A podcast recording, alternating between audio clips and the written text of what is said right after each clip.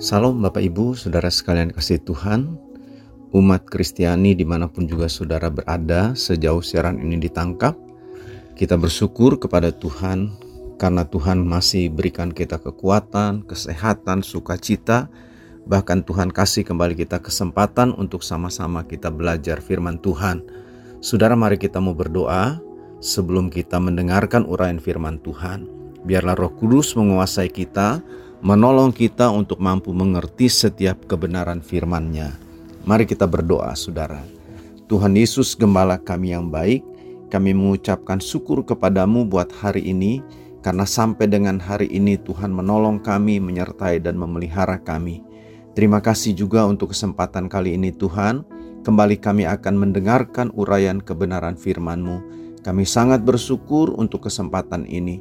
Tuhan urapi kami, tolong kami, mampukan kami untuk dapat mengerti setiap kebenaran ini, sehingga namamu dipermuliakan dalam hidup kami, dan kami boleh terus bertumbuh di dalam kebenaran, dalam pengenalan akan Tuhan, dan hidup kami senantiasa menyenangkan Tuhan.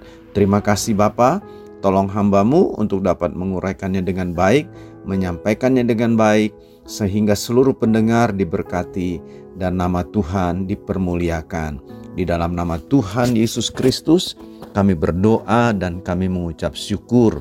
Haleluya, haleluya, amin. Bapak, ibu, saudara sekalian, kasih Tuhan, saya ingin membacakan satu ayat firman Tuhan yang terambil dari Roma, pasal yang ke-12, ayat yang ke-11. Saudara-saudara, di sana tertulis seperti ini Janganlah hendaknya kerajinanmu kendor, biarlah rohmu menyala-nyala dan layanilah Tuhan. Saudara, kalau kita lihat ayat ini, ada tiga unsur di sana yang saling terkait. Yang pertama dikatakan, janganlah hendaknya kerajinanmu kendor. Lalu yang kedua dibilang, biarlah rohmu menyala-nyala. Dan yang ketiga, layanilah Tuhan. Kalau kita satukan semua kalimat ini dalam satu pengertian, saya coba menyusunnya, saudara, dengan pemahaman seperti ini. Kalau kita melayani Tuhan, biarlah dalam pelayanan yang kita lakukan, kita harus memiliki kerajinan yang terus-menerus, bukan hanya sebentar, bukan hanya sesaat, dan juga disertai dengan roh yang menyala-nyala. Nah, Bapak Ibu Saudara sekalian, baru saja kemarin saudara kita semua memperingati hari Pentakosta di mana saudara bagi kita hari Pentakosta adalah hari kita mengingat untuk pengalaman dari murid-murid Yesus di Yerusalem di mana Roh Kudus turun memenuhi mereka. Nah, saudara-saudara, Tentu itu satu peristiwa yang sangat luar biasa.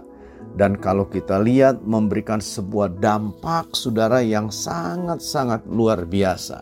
Nah saudara-saudara terkait dengan hal itu ayat yang kita baca ini mengingatkan kepada kita sekalian bahwa saudara dan saya sebagai orang-orang percaya terpanggil bukan hanya sekedar menjadi jemaat yang hadir dalam ibadah atau barangkali bukan hanya sekedar datang, duduk, dengar, lalu pulang.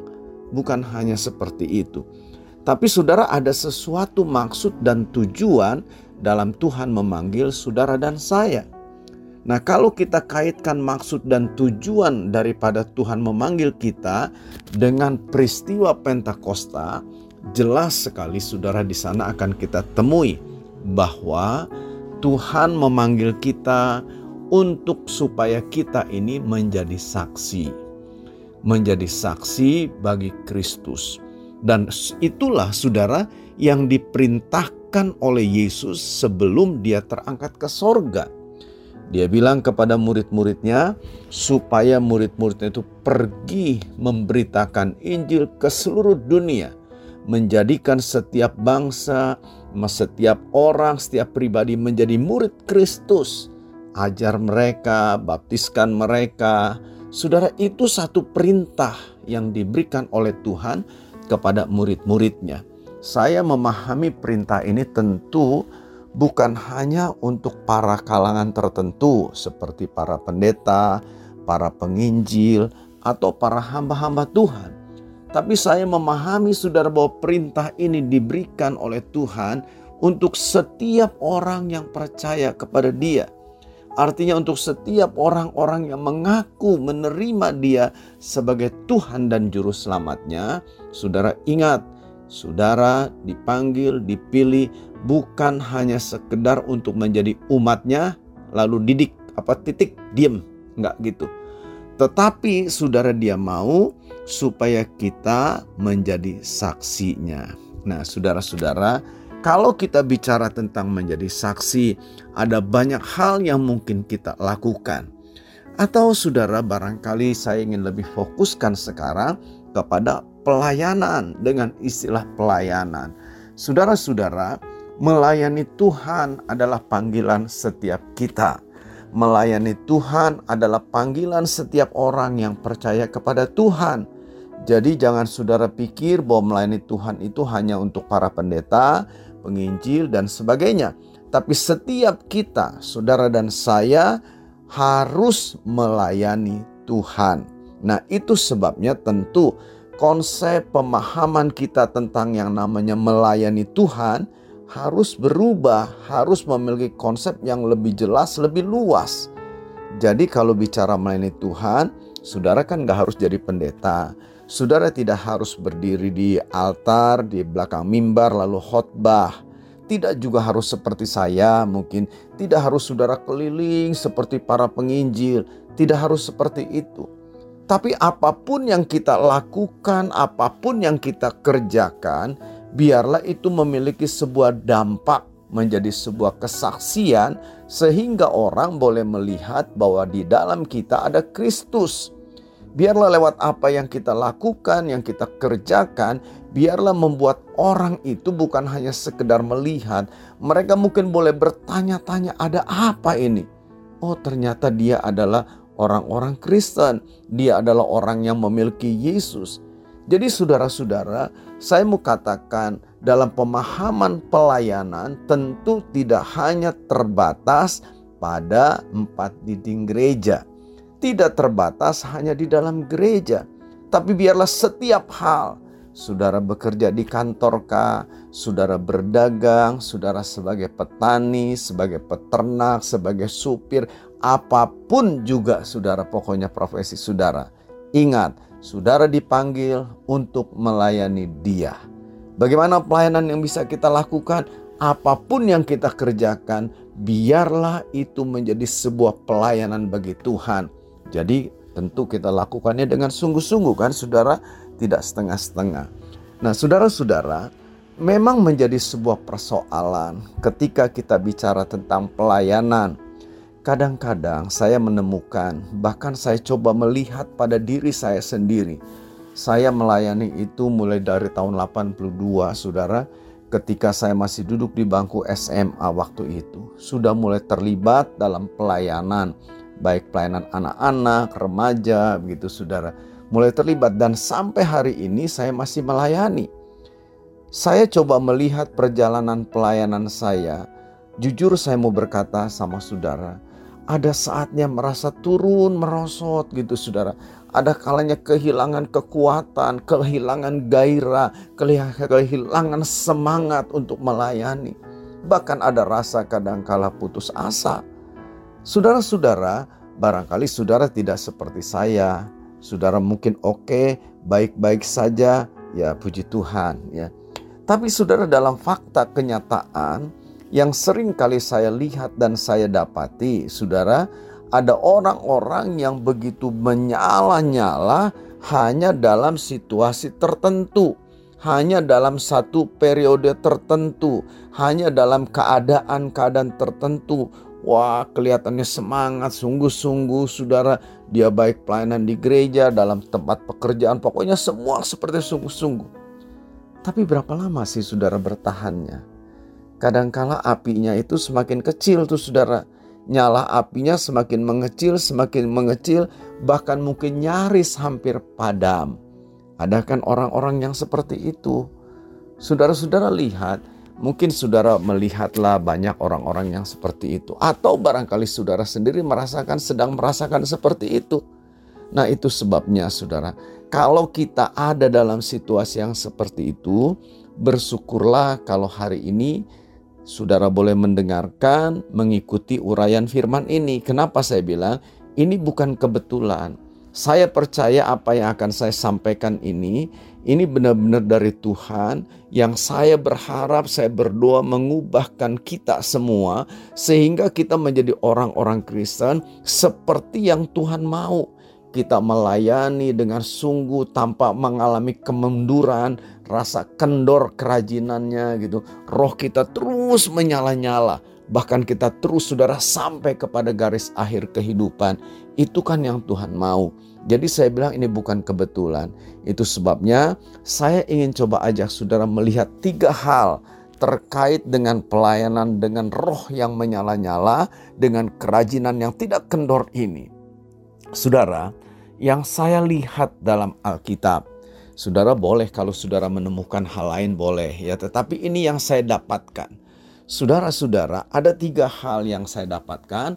Ini semua terkait dengan masalah Roh Kudus. Saudara, ini bukan berarti karena saya mungkin ada di gereja karismatik, bukan masalah karismatik, pentakosta, atau gereja-gereja mainstream, bukan masalah itu bagi saya. Tapi ini adalah apa yang Alkitab katakan, apa yang tercatat di dalam Alkitab. Saudara-saudara, kita semua tahu kan peristiwa Pentakosta di mana murid-murid dipenuhi oleh Roh Kudus di Yerusalem itu sudah. Dan kita melihat ada sesuatu yang terjadi yang begitu luar biasa dalam hidup mereka. Padahal kalau kita mau lihat ke belakang sebelumnya, mereka sempat semangat, lalu kendor lagi, mereka semangat, kendor lagi, sampai akhirnya kita lihat Yudas menjual Yesus, Petrus menyangkal, murid-murid juga seperti putus asa, hilang harapan mereka. Saudara-saudara, itu terjadi. Tetapi kita lihat setelah Yesus bangkit dan teristimewa, setelah mereka dipenuhi oleh Roh Kudus, ada sesuatu yang berbeda. Nah, ini yang akan saya coba ajak saudara untuk lihat. Saudara-saudara, Roh Kudus yang pertama, Roh Kudus akan membawa perubahan dalam pelayanan kita. Apa maksudnya nih, saudara? Saudara, jadi ada sebuah perubahan. Coba kalau kita perhatikan murid-murid Yesus. Kita kan tahu semua, murid-murid itu ketakutan ketika Yesus ditangkap, Yesus disalibkan. Mereka kecewa, saudara, Mungkin mereka juga putus asa, wah hilanglah pokoknya harapan mereka. Sudah benar-benar hopeless gitu saudara. Yesusnya mati gitu kan. Tapi kali ini kita lihat saudara, mereka benar-benar mengalami sebuah perubahan dalam pelayanan mereka. Apa perubahan yang kita lihat? Saudara-saudara, mereka berani tidak lagi takut gitu tidak lagi takut akan ancaman, mereka tidak lagi takut dengan tekanan, mereka tidak lagi takut dengan aniaya, mereka tidak lagi takut dengan segala macam saudara yang menekan mereka. Kenapa ya bisa begitu saudara? Saudara, yang saya tahu, yang saya lihat dalam Alkitab itu terjadi setelah mereka dipenuhi dengan Roh Kudus gitu saudara dan terjadi sebuah perubahan pelayanan mereka. Pelayanan yang dilakukan bukan lagi setengah-setengah gitu saudara. Pelayanan yang dilakukan bukan lagi asalan. Pelayanan yang dilakukan bukan cuma sekedar asal jalan, tidak. Tapi dengan sepenuh-sepenuh hatinya mereka layani itu saudara. Saudara itu nampak kita lihat. Saudara-saudara, mari coba kita periksa nih diri kita Coba kita periksa apakah selama ini kita sudah menjadi orang-orang Kristen yang melayani. Yang kedua, coba periksa apakah pelayanan kita sekarang ini sungguh-sungguh menyala-nyala dengan kobaran semangat api dari Roh Kudus itu, dengan gairah yang Tuhan berikan, sehingga kita terus meningkat, progresnya semakin nyata, peningkatan-peningkatan itu semakin nyata, atau saudara, kita sudah mulai males. Ah, kita sudah mulai banyak kecewa, lalu lemah, bahkan mungkin kita sudah berniat untuk mundur dari pelayanan ini. Kita sudah berniat pokoknya udahlah nggak mau lagi lah aku melayani, aku tidak mau lagi bersaksi, aku tidak mau ini dan itu lagi. Bapak Ibu, Saudara sekalian, saya mengerti tidak mudah memang untuk melayani. Saudara ada banyak tantangan-tantangan yang bisa kita hadapi. Ada banyak tekanan-tekanan, kesulitan-kesulitan yang bisa kita hadapi. Dan itu bisa membuat orang jadi lemah. Itu bisa membuat orang jadi mundur. Tapi satu hal yang saya mau katakan. Ketika roh kudus menguasai kita. Ketika roh kudus memenuhi kehidupan kita dan seluruh kehidupan kita ini dikendalikan. Dikuasai oleh roh kudus itu. Saya percaya saudara pelayanan kita akan mengalami perubahan. Kita tidak lagi melayani Tuhan hanya begini-begini saja. Begitu-begitu saja. Tidak. Tapi kita akan melayani dengan kuasa, melayani dengan tanda-tanda heran, melayani dengan perkara-perkara yang besar yang Allah nyatakan melalui kehidupan kita. Dan itu jelas kita lihat tercatat dalam Alkitab. Bagaimana murid-murid Yesus orang-orang yang percaya kepada Yesus di tengah-tengah tekanan, di tengah-tengah penganiayaan, mereka menyatakan kuasa kemuliaan Allah lewat pelayanan-pelayanan mereka. Jadi saudara, biarlah kiranya kita mengerti Roh Kudus membawa perubahan dalam pelayanan kita. Yang kedua, saudara, Roh Kudus bukan hanya membawa perubahan dalam pelayanan, tapi saya juga melihat Roh Kudus memberikan kekuatan. Roh Kudus, kalau saya gambarkan seperti bahan bakar yang membuat saudara api itu terus menyala. Bapak Ibu Saudara sekalian, saya coba mengamati dan ini baru pengamatan sederhana ya tidak terlalu mendalam. Tapi sepintas saya mengamati begini. Saudara khususnya jemaat di Efesus. Pertama kali saudara saya lihat dalam kisah Rasul pasal 19. Waktu itu Paulus sampai di Efesus dan didapatilah ada orang-orang atau murid-murid yang percaya kepada Yesus. Lalu saudara Paulus tanya, kamu sudah dibaptis dengan roh kudus belum? Mereka bilang, aduh nggak pernah kami dengar itu. Jangankan dibaptis atau dipenuhkan, dengar juga enggak. Kalau gitu kamu dibaptis apa? Oleh Paulus ditanya begitu. Mereka bilang kami dibaptis oleh baptisan Yohanes. Nah singkat cerita teruslah akhirnya didoakan lalu penuhlah mereka dengan roh kudus. Saudara, dan saya melihat itu pertumbuhan yang begitu luar biasa terjadi dalam kehidupan jemaat itu. Nah kemudian saudara kalau kita membaca surat Paulus kepada jemaat di Efesus, di dalamnya kita melihat ada nasihat-nasihat yang kalau saya perhatikan bukan sekedar sebuah nasihat, tapi lebih mengarah kepada sebuah peringatan, sebuah teguran. Atau nasihat yang diberikan itu merupakan sebuah teguran yang mengingatkan. Berarti, saudara, ada sesuatu yang terjadi di dalam jemaat ini sehingga Paulus mengingatkannya supaya hati-hati gitu saudara bagaimana mereka harus menghidupi hidup mereka sebagai orang percaya. Itu diingatkan dalam surat Paulus itu. Saudara-saudara, berarti kita lihat dari kisah Rasul sampai ke surat Paulus ada rentang waktu tentunya saudara. Saya bilang tadi saya tidak terlalu mendalami berapa waktunya gitu ya. Itu bisa kita cari, kita bisa pelajari. Kemudian saudara, dalam kitab Wahyu kita dapati juga ada surat untuk jemaat di Efesus.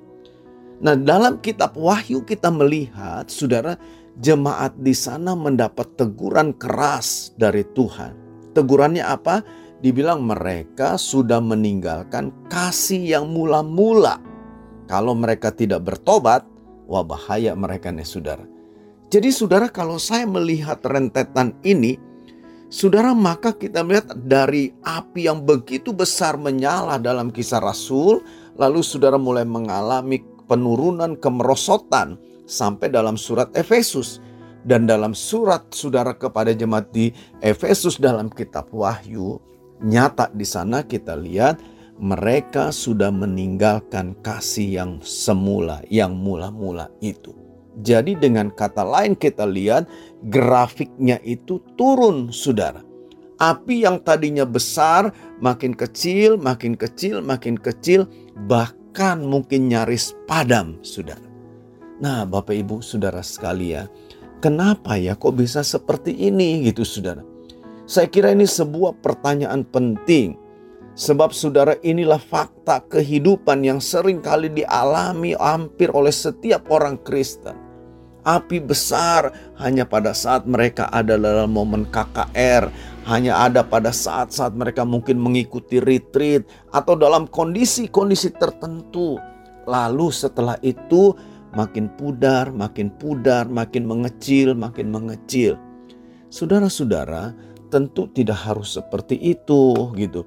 Saya pikir apa memang harusnya seperti itu? Kan nggak harus begitu, saudara Persoalannya, saudara, menurut saya ada sesuatu yang tidak diperhatikan. Ya, ada sesuatu yang bisa jadi dilalaikan, ada sesuatu yang biasa jadi dibiarkan, saudara, sehingga mengecilkan api itu. Saudara, kalau saya kembali katakan, surat Efesus kalau saudara baca, di sana mulai ada teguran-teguran, ada nasihat-nasihat yang saya bilang bernada teguran yang menunjukkan timbulnya persoalan-persoalan yang tidak baik, yang tidak tepat dalam hidup orang-orang percaya di Korintus. Mereka mulai tercemar, saudara, mungkin dengan cara-cara dunia. Mereka mulai tercemar dengan pikiran-pikiran, perilaku-perilaku orang-orang dunia mulai masuk sedikit banyak mulai mempengaruhi mereka. Saudara-saudara, inilah yang menyebabkan saudara sehingga api itu semakin mengecil. Dan ketika itu terus dibiarkan, maka saudara pasti akan padam tuh api itu. Nah, jadi saudara-saudara, saya percaya ketika kita benar-benar memberikan Roh Kudus keleluasaan untuk memenuhi hidup kita, menguasai hidup kita, memimpin langkah kehidupan kita, saya percaya, saudara, api itu tidak akan padam atau mengecil lalu padam. Enggak, saudara. Saya tidak yakin itu. Sebab saya melihat bagaimana progres yang terjadi atas orang-orang percaya yang dicatat dalam kisah Rasul ini. Murid-murid Yesus saudara terus ketika mereka hidup dipenuhi. Mereka benar-benar dikuasai, dipimpin oleh roh itu.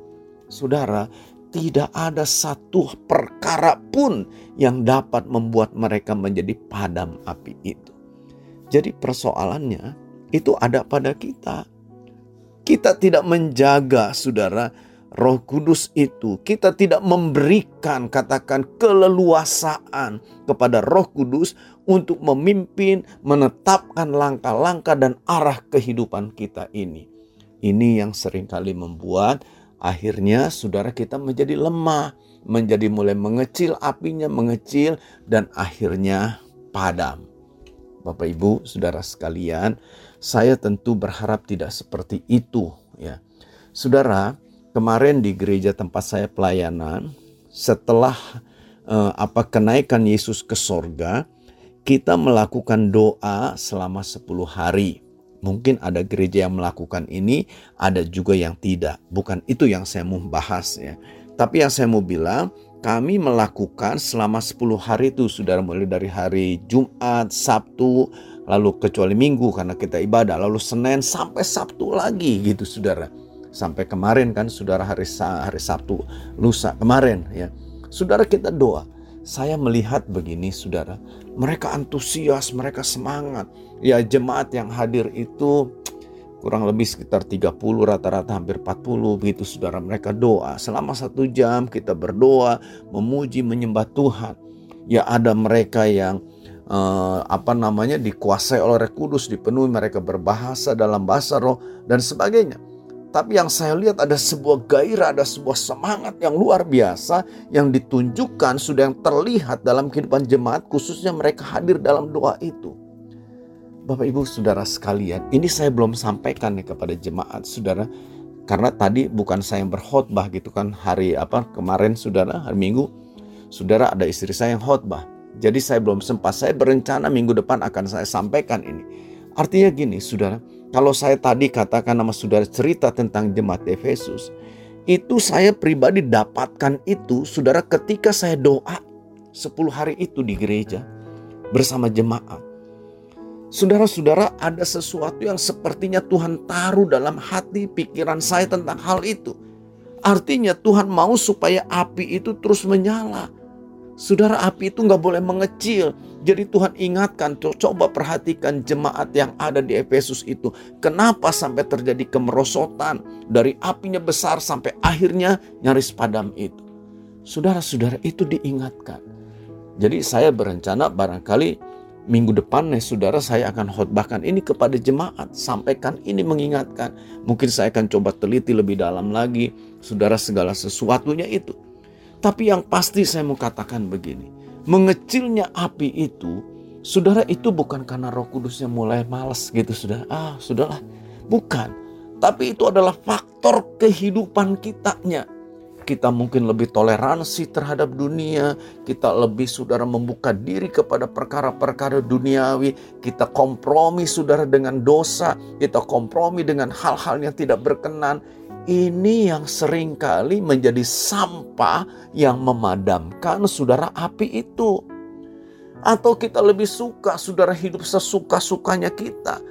Tanpa lagi berserah penuh, tanpa lagi menyerahkan seluruh hidup kita untuk dipimpin oleh roh. Tanpa lagi memberikan keleluasan sepenuhnya kepada roh kudus. Ini jadi persoalan.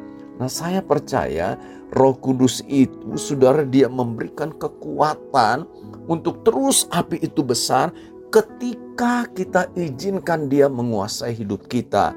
Bukan hanya pada masa-masa perayaan Pentakosta, bukan hanya pada masa-masa tertentu saja, tapi biarlah sepanjang hidup kita ketika kita benar-benar berkata, Roh Kudus, kuasailah hidupku. Roh, Kudus, tetapkanlah langkah-langkah kehidupanku. Saya percaya, saudara, api itu akan terus menyala apa pun situasi yang kita hadapi dalam hidup ini, bagaimanapun beratnya kehidupan ini, saya mengerti ketika hidup kita dipimpin, dikuasai, diarahkan, ditetapkan oleh Roh Kudus, saudara, kita akan terus berkobar-kobar, menyala-nyala dalam melayani Dia. Yang ketiga, saudara, yang ketiga, yang terakhir saya akan sampaikan, saudara Roh Kudus memberikan sukacita dalam melayani. Saudara-saudara, saya pikir, apakah ini penting untuk dimengerti, dipahami? Roh Kudus memberikan sukacita dalam melayani. Saya tanya sama saudara yang ikuti khotbah saya ini. Saudara dalam melayani penuh sukacita atau tidak? Apakah ada sebuah sukacita dalam melayani Tuhan? Waduh, saya luar saya akan melayani. Waduh, luar biasa ada satu apa ya? kobaran api sukacita gitu. Saudara-saudara, saya mau berkata sama saudara cerita sama saudaranya. Dulu saya pernah saudara melayani membantu pelayanan di sebuah gereja besar. Saudara-saudara, waktu itu saya suka melayani sebagai worship leader, sebagai pemimpin pujian. Nah, saudara, ada sebuah kebijakan dalam gereja itu karena sesuatu hal tentunya, maka yang menjadi worship leader itu hanya tiga orang. Ya, salah satunya saya. Sementara ibadah di gereja itu satu hari minggu itu ada tiga kali ibadah. Jadi saudara-saudara boleh saya bilang hampir setiap minggu saya bertugas menjadi worship leader sebagai pemimpin pujian ya saudara-saudara jujur saya berkata sudah kadang-kadang aduh rasanya jenuh bosen. Sampai saudara kehilangan sukacita. Begitu. Saudara ini bisa terjadi ya dengan sesuatu keadaan kondisi. Tapi saya mau katakan dengan sungguh-sungguh bahwa sesungguhnya Tuhan tidak menghendaki seperti itu. Ada orang yang melayani Tuhan, saudara mereka tidak suka cita ya. Kenapa? Karena terpaksa gitu kan. karena nggak enak. Aduh, sebetulnya saya sudah tidak mau melayani, tapi saya nggak enak tuh sama pemimpin saya, sama pendeta saya. Dia baik sih sama saya. Jadi dia suruh saya melayani, ya udahlah saya melayani. Ada orang-orang, saudara yang kehilangan sukacita dalam pelayanan. Mungkin kenapa? Karena punya motivasi yang salah. Wah, mereka bersuka cita ketika mereka mendapatkan pujian, ketika mereka mungkin mendapatkan persembahan kasih, dan lain-lain. Jadi kita melihat sudah ada banyak orang kadangkala kehilangan sukacitanya dalam melayani Tuhan karena faktor-faktor seperti itu. Tapi saudara perhatikan baik-baik. Sebetulnya segala situasi apa pun yang kita temui dalam pelayanan ini tidak boleh mengurangi sukacita kita dalam melayani. Kenapa seperti itu? Saudara-saudara, orang-orang yang mengerti, orang-orang yang benar-benar memahami bahwa pelayanannya kepada Tuhan itu adalah sebuah kepercayaan yang luar biasa dari Tuhan. Ingat loh saudara, kenapa sih kok kita harus melayani? Kita bukan karena terlalu istimewa, saudara. Wah, nggak ada yang lain kita yang sehingga kita yang dipilih oleh Tuhan. Bukan itu, saudara. Saya percaya itu hanya sebuah anugerah. Itu hanya sebuah karunia, kasih karunia, kemurahan Allah. Dia percayakan pelayanan kepada kita. Saudara, bukan karena kita pintar, bukan karena kita layak, bukan karena kita lebih dari yang lain, bukan Nah, jadi kalau kita menyadari akan hal ini, saudara, saya percaya, saudara, pelayanan kita ini akan kita lakukan dengan penuh sukacita. Saudara-saudara, saya mengerti bahwa melayani memang tidak mudah. Ada banyak pengorbanan-pengorbanan yang harus kita lakukan. Ada banyak hal-hal yang harus kita hadapi, yang mungkin itu menyakitkan, mengecewakan, dan sebagainya. Tapi ingat, saudara, kita melayani raja di atas segala raja. Kita melayani Tuhan di atas segala Tuhan. Kita melayani Allah yang maha kuasa yang luar biasa itu.